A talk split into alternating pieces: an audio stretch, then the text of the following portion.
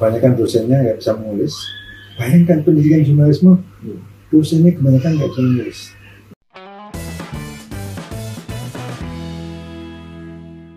Saya tahu Mas Andreas itu dari jurnalisme sastrawi 2007. Saya baru awal masuk kuliah. Iya, jurnalisme sastrawi, ontologi mas. ya. Hmm. Ontologi. Nah, di situ saya masuk eh, lembaga pers mahasiswa dan Di mana? di Mustopo, Oke, lembaga pers mahasiswa media publika. Media publika. Iya, media publika. Di situ saya eh, buku jurnalisme sastrawinya Mas Andreas sama Pak Budi ya, Budi Setiawan. Budi Setiono itu jadi bacaan wajib kita buat anak-anak baru. Akhirnya eh, saya tahun berapa ya saya lupa 2000 2015 ya 15 saya ketemu Indra di lapangan terus ngobrol-ngobrol-ngobrol dia dari Mongabai dia cerita soal Mbak Ari. Terus bilang istrinya Mas Andre saya kaget. Yo Andre Sarsono iya. Yang bener loh. Saya kaget. Padahal saya sebelumnya udah kenal sama Mbak Ari cuma saya nggak tahu gitu. Eh, pas buka puasa ketemu sama Mas Andreas di sini. Kok mungkin kalau Mas Andreas ingat saya minta foto kan? Saya minta tolong Lucy tuh. Saya takut terus tolong dong Aku digigit. iya jadi eh, yang pertama ya Mas ya. Eh, kita langsung masuk ke topik yang pertama. Saya mau nanya eh, pandangan Mas Andreas. Kualitas jurnalisme kita tuh gimana sih sekarang? Meng- mengingat eh, kasus terakhir yang Renhat Sinaga kemarin banyak banget gugatan dari masyarakat ke media kita yang eh, coba nih lihat media asing coba nih lihat media Inggris begini cara meliput yang benar begini cara membuat berita yang benar seolah-olah media kita tuh nggak pernah apa bukan nggak pernah tapi eh, salah cara meliputnya apalagi kalau isu-isunya sensitif gender gitu nah menurut Mas Andreas? Ya kalau dibandingkan BBC ya langit dan bumi kan. oh iya Iya dong. sekelas yang media besar di Indonesia juga Iya, Tempo atau Tirto atau Kompas atau RCTI dibandingkan BBC ya langit dan bumi. Anda harus bandingkan RCTI atau Metro itu dengan TV3 Malaysia atau ya yang sepantal. Kalau dibandingkan BBC ya jauh.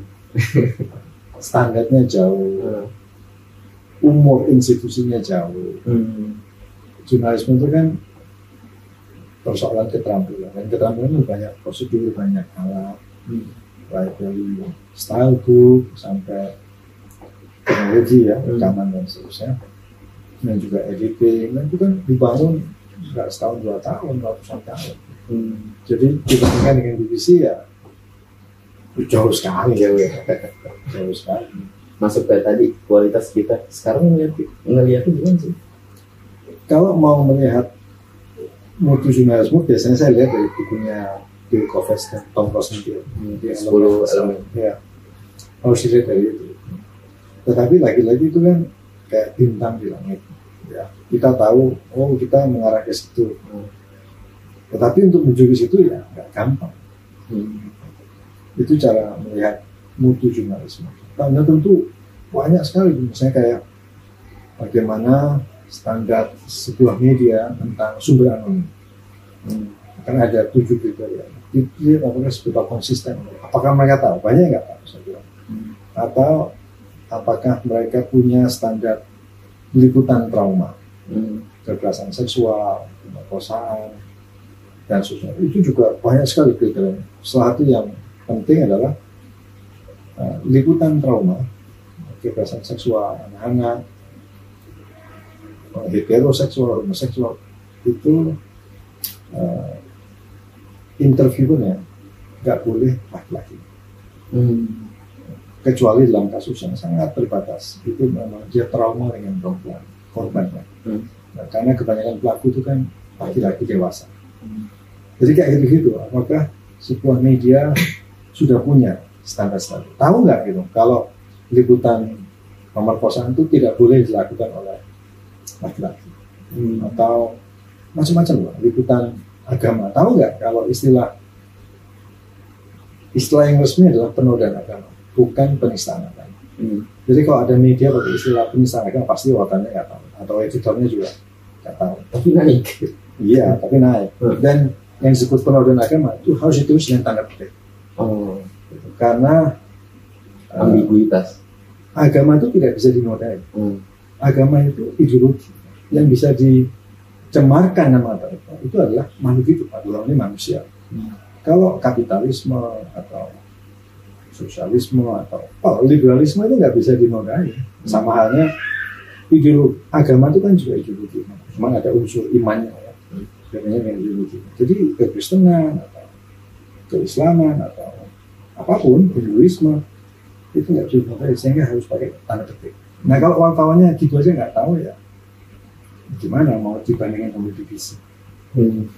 Tapi kan eh, pendidikan ilmu komunikasi khususnya di jurnalistik di Indonesia juga sudah semakin pesat mas, semakin banyak Ah. juga kampusnya. Enggak. Oh enggak juga, jadi semakin banyak bukan semakin naik mutunya gitu. jumlahnya tidak banyak tahun berapa ya sekitar 15 tahun lalu saya pernah menulis Mhm. boleh nggak saya lihat Oh, boleh, boleh. sebentar ya Boleh, sebentar buku saya mana ini saya belum lulus itu. Ya isinya di mana? Ini saya saya cek pakai HP itu sebenarnya Yes. Jadi kurang lebih ada penelitian dari seseorang yang bernama Thomas Hanitz, seorang sarjana Jerman. Dia menulis soal mutu pendidikan jurnalisme di Indonesia.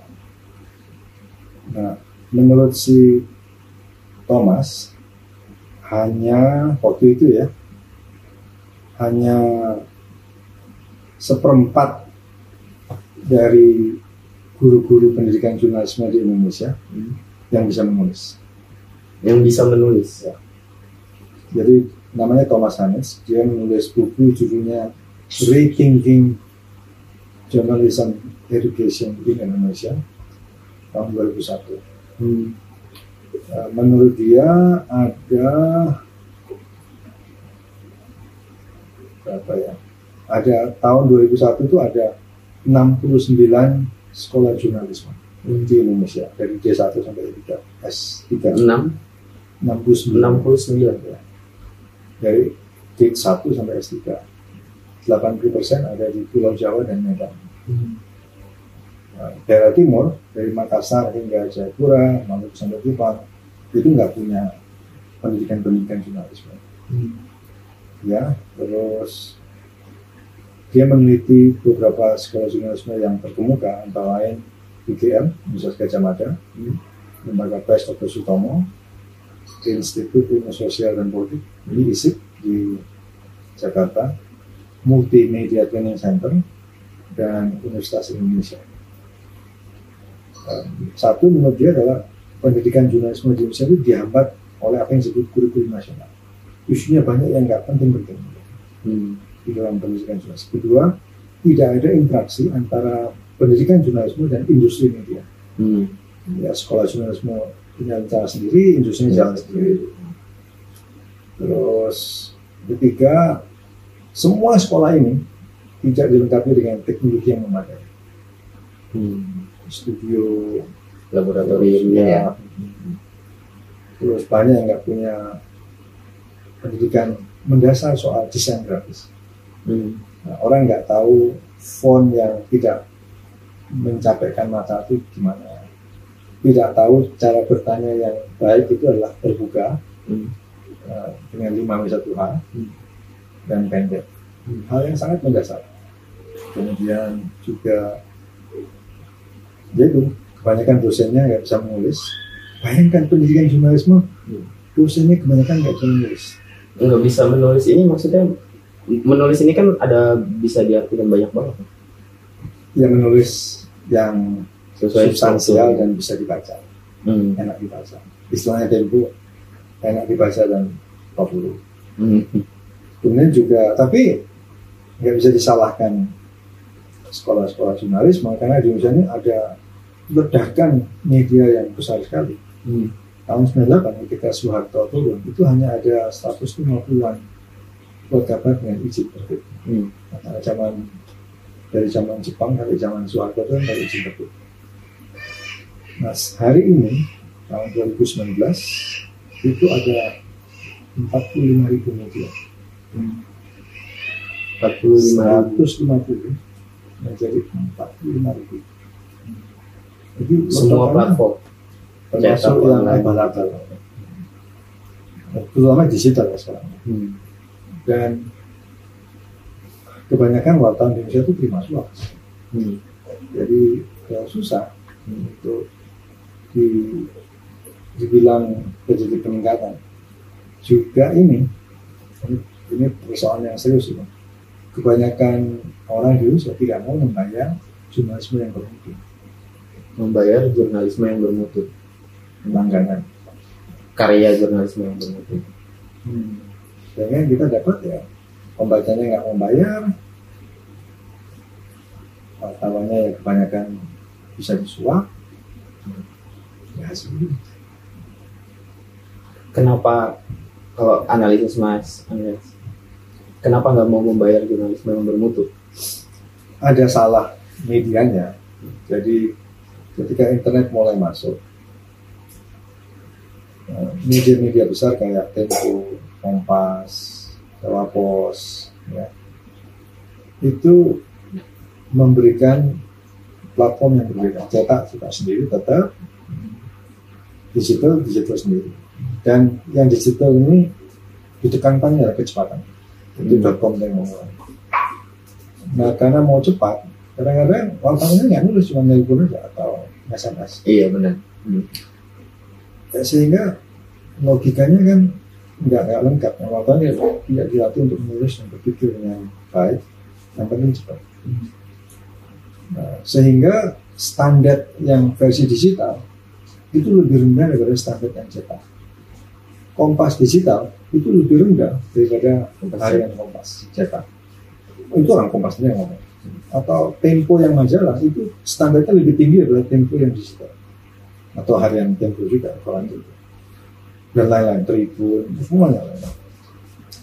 Nah karena brandnya itu dirusak sendiri sama mereka, akhirnya pembaca juga ngapain harus bayar yang yang nggak bermutu juga yang sering salah pokoknya cepet gitu. akhirnya nggak bayar semua nggak bayar semua.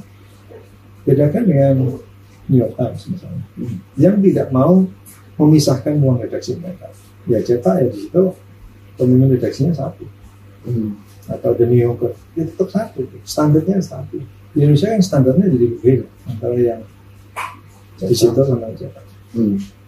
Karena dirusak sendiri brandnya ya susah sekali sekarang untuk minta orang yang bayar. Kok di New York kan orang langganan New York Times bahkan pelanggan digital New York Times lebih besar daripada pelanggan print cetak New York Times.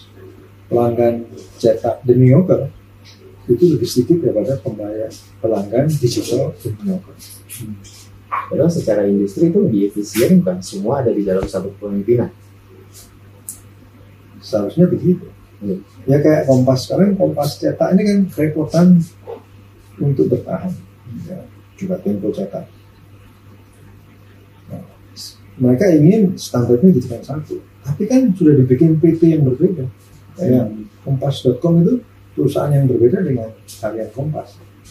Pemiliknya berbeda. Untuk mempersatukan lagi ya namanya juga orang. Nggak gampang. Enggak ya salahnya sendiri juga. Balik lagi ke apa yang salah tadi dari kualitas media kita. Eh, SDM berarti udah pasti ya kalau kalau dilihat dari pendidikannya juga masih minim. Gitu. Saya kira tadinya eh, pendidikan jurnalisme udah cukup gitu sih cukup baik ditambah sekarang kan era era yang gampang banget buat nyari informasi Bela- belajar dari internet juga banyak gitu tapi eh, ternyata itu nggak membantu ya nggak membantu nggak membantu apa menaikkan tingkat mutu jurnalisme kita ya Belajar dari internet itu nggak gampang hmm. karena nggak ada struktur. Hmm. Yang kita perlukan adalah struktur Uh, dan untuk mentor. Hmm. Mentor yang bagus yang bisa mengedit dan mengedit itu nggak bisa belajar dari internet.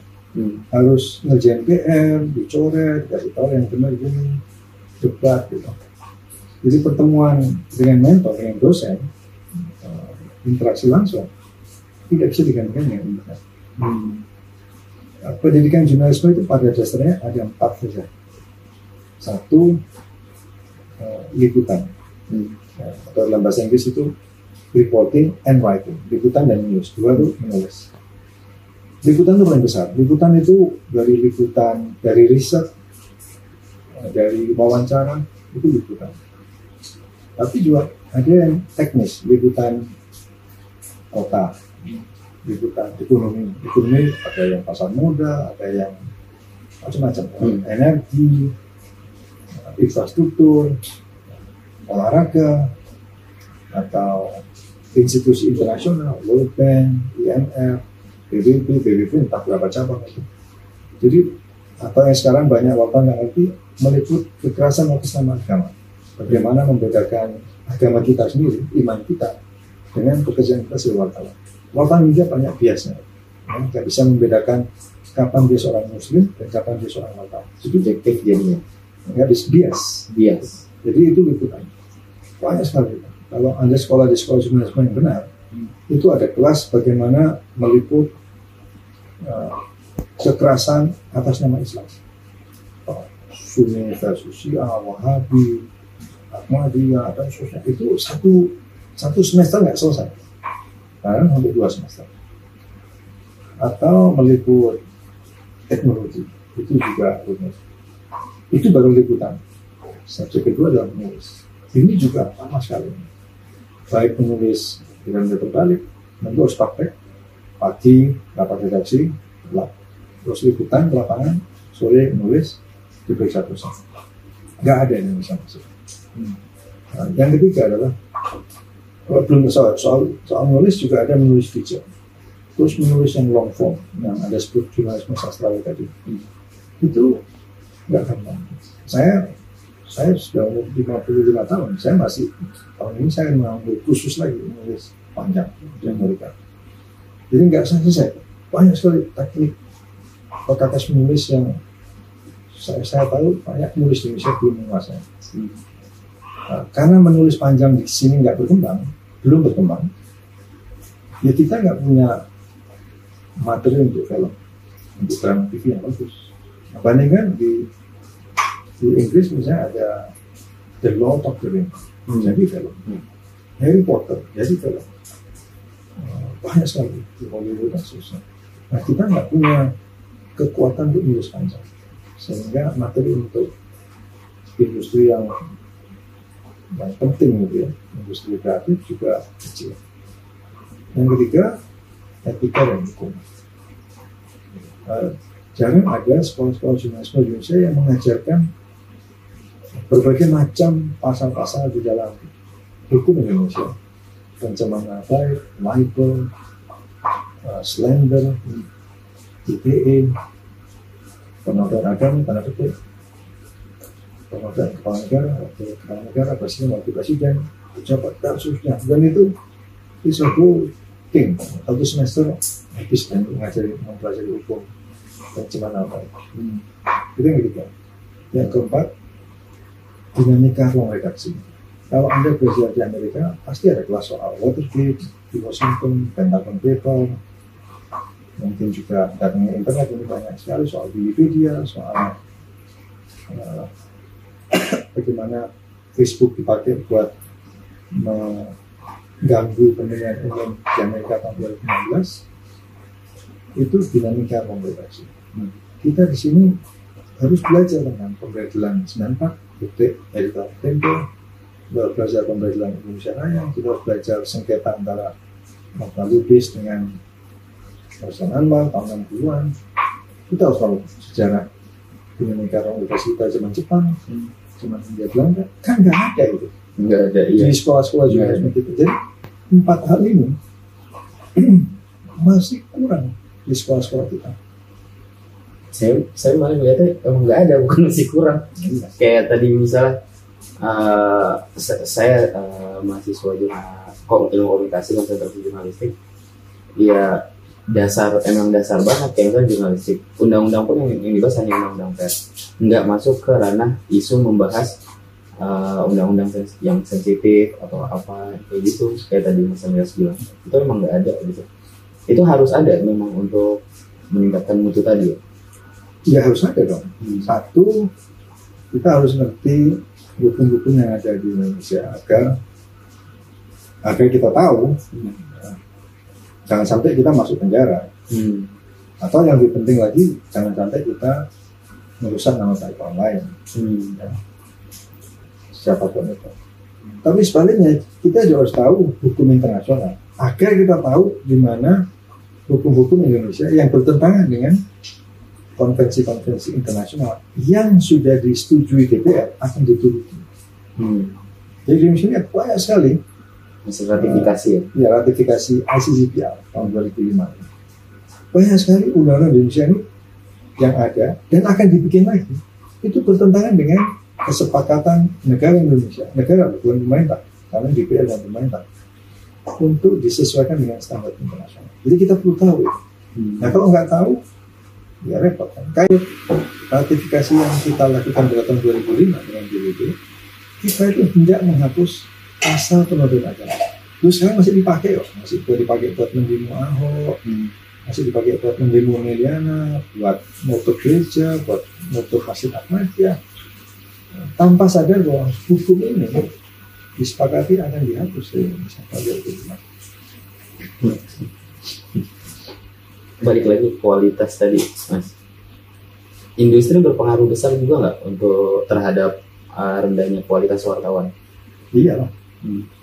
Ya, karena para pemimpin industri media di Indonesia ini banyak yang nggak nggak matang pemahamannya soal jurnalisme, soal pengusahaan pakar api ya, antara bisnis dengan redaksi. Banyak nggak ngerti. Tapi ya lagi-lagi yang apalagi ini baru umur paling 50 tahun lah. Media paling kuat siapa sih di sini Tempo, Kompas 65, Tempo 71 ya mau diapain lagi. Baru umurnya baru segitu masa mau dibandingin sama yang sudah umur 250 tahun 300 tahun? Ya yang nggak realistis. Hmm. ya kasihan juga. Tapi bukan berarti kita toleran terhadap kebutuhan-kebutuhan keserakan keserakan baik pemilik media maupun wartawan. Hmm. tapi yang ada di masyarakat kan nggak tahu itu. Maksudnya kayak nggak nggak nggak tahu apa yang tadi kita obrolin Andreas bilang yang tahu ya jelek aja. Gitu jelek aja dan akhirnya seperti kasus Reinhardt membandingkan. Dan tadi Mas Andreas bilang ya terlalu jauh juga ngebandingin yang sama BBC gitu.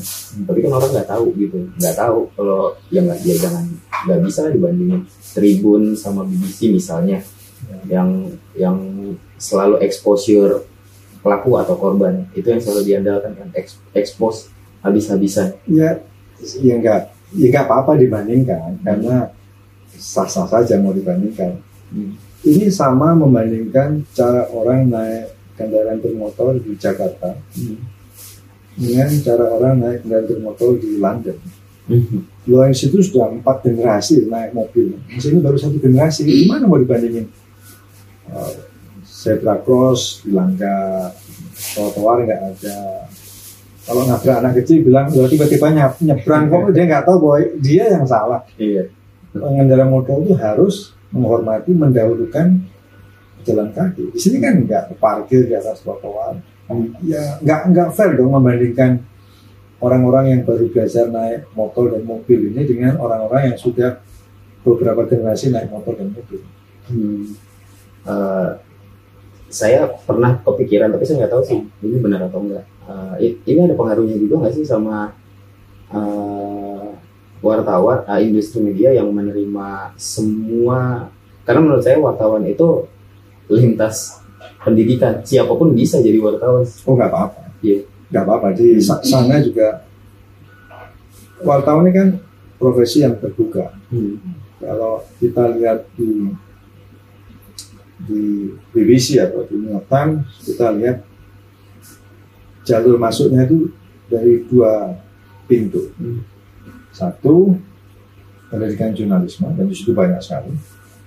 Yang kedua dari pers mahasiswa. Hmm. Ya, Di Amerika itu menjelang wisuda, biasanya para editor itu datang ke kampus-kampus. Dan yang mereka datangin bukan saat wisuda, tapi ke kantor-kantor ya kalau di di Mustas Mustopo itu media publik kan cari. Dilihat tulisannya siapa yang bagus-bagus. Hmm. Berikut jadi wartawan. Hmm. Di New York Times atau di di mana di BBC itu biasa mereka berlangganan pers mahasiswa. Dan kalau ada mahasiswa yang berbakat menulis, disiplinnya apa pun, arsitektur lah, dokter lah, ditawarin untuk masuk. Hmm. Nah, yang terjadi di Indonesia, pers ma- masuk kita juga kurang kuat. Ya, nah, saya dulu ketika pertama kali kuliah di, di Universitas Harvard, saya kaget pers mahasiswa mereka, namanya Harvard Crimson, itu terbit, Anda tahu berapa sering? Berapa? Setiap hari. Mesti Pak. Sekarang sebulan sekali aja udah. Karena saya masih masih kalau dulu kan uh, media publika tuh gabungnya di Forum Pers Mahasiswa Jakarta. Ya. Kayaknya setelah waktu awal saya masuk aja 2007 se uh, apa ya kayak memang sampai sekarang sih kayak kehilangan arah. Hmm. Kalau dulu kan dibilang pers mahasiswa itu uh, apa uh, site-nya untuk perjuangan karena media mainstream ditahan habis-habisan sama Soeharto. Media uh, pers mahasiswa main peran di situ. Nah sekarang semua terbuka, semua bebas, pers mahasiswa jadi kayak kehilangan tempat. Mas Anda sendiri gimana? Nah, Dulu kan cuma adu berani. Hmm. ya kan karena yang kompas itu kan penakut sekali Pak. sehingga dimanfaatkan ruang berani itu oleh mahasiswa Indonesia atau yang ada mahasiswa yang lain nah sekarang karena sudah terbuka semua menurut saya ya mutu adu mutu Iya betul. Apalagi ini kan deadline-nya lebih longgar bermutu cuma ya tampaknya nggak di Lakukan. dilakukan dengan serius sudah ada beberapa tapi tidak tidak cukup menurut saya Dan pers mahasiswa, menurut saya juga ya, pers mahasiswa yang terdengar akhirnya yang berani untuk bersuara terhadap satu isu kayak kasus di Jogja Hmm. yang bareng sama UGE apa kasus Agni Ya. sama beberapa lagi. Hmm. Memang harus seperti itu ya biar biar terlihat gitu. Enggak juga. Eh, tidak harus berani tok. Hmm. Di dalam kita menulis itu syaratnya enggak hanya berani, tapi tahu. Men- Menulis itu harus punya pengetahuan. Kita harus tahu segala sisi dari suatu apa yang disebut fakta. Tetapi tahu saja, tidak ditulis, tidak punya keberanian, ya nggak berguna buat masyarakat. Hmm. Sementara berani tok tapi nggak punya pengetahuan. Ya orang Jawa Timur bilang bon, bonek, Bonek. nekat. Mencari mati. Iya. Iya. Jadi harus dua-duanya. Hmm. Saya tentu tidak berharap ini hanya salah satu yang di- didapat, tapi harus dua-duanya. Hmm. Tahu dan berani. Mas Andreas pernah bilang uh, kualitas jurnalisme yang baik mempengaruhi mutu masyarakat yang baik juga. Nah kalau begini gimana ngeliatnya? Tadi Mas Andreas sendiri ngeliat kualitas mutu jurnalisme kita juga masih Ya kita lihatlah mutu masyarakat kita gimana. hmm, Eh, dengan mudah di dipanas-panasi dengan isu-isu agama, dengan mudah dipanas-panasi dengan isu suku. hmm, Ya, kita lihatlah mutu pemilih kita memilih berapa banyak sih pemilih pemilih kita yang melihat program? Berapa banyak pemilih kita yang melihat bagaimana calon ini melihat budget? Hmm, kan nggak gampang bilang ah kalau saya jadi bupati saya jadi gubernur saya jadi presiden pendidikan saya gratisan. Nah, itu uangnya dari mana? Ngatur budgetnya gimana? Kalau saya jadi gubernur saya mau bangun trotoar seluruh kota Pontianak misalnya. Nah, budgetnya dari mana kalau saya jadi bupati saya akan larang mobil masuk ke Malioboro. Hmm, Nah, terus cara ngatasnya gimana? Nggak ada kereta api nggak ada transportasi publik. Nah sedikit sekali pemilih yang sampai kritis pada level budget. Nah sebaliknya wartawannya juga nggak peduli. Soalnya kalau lebih banyak lebih main ya nutup saya dari hari ke hari sehari nulis berita 5, 6, 7 berita ya gimana mau bermutu Hmm.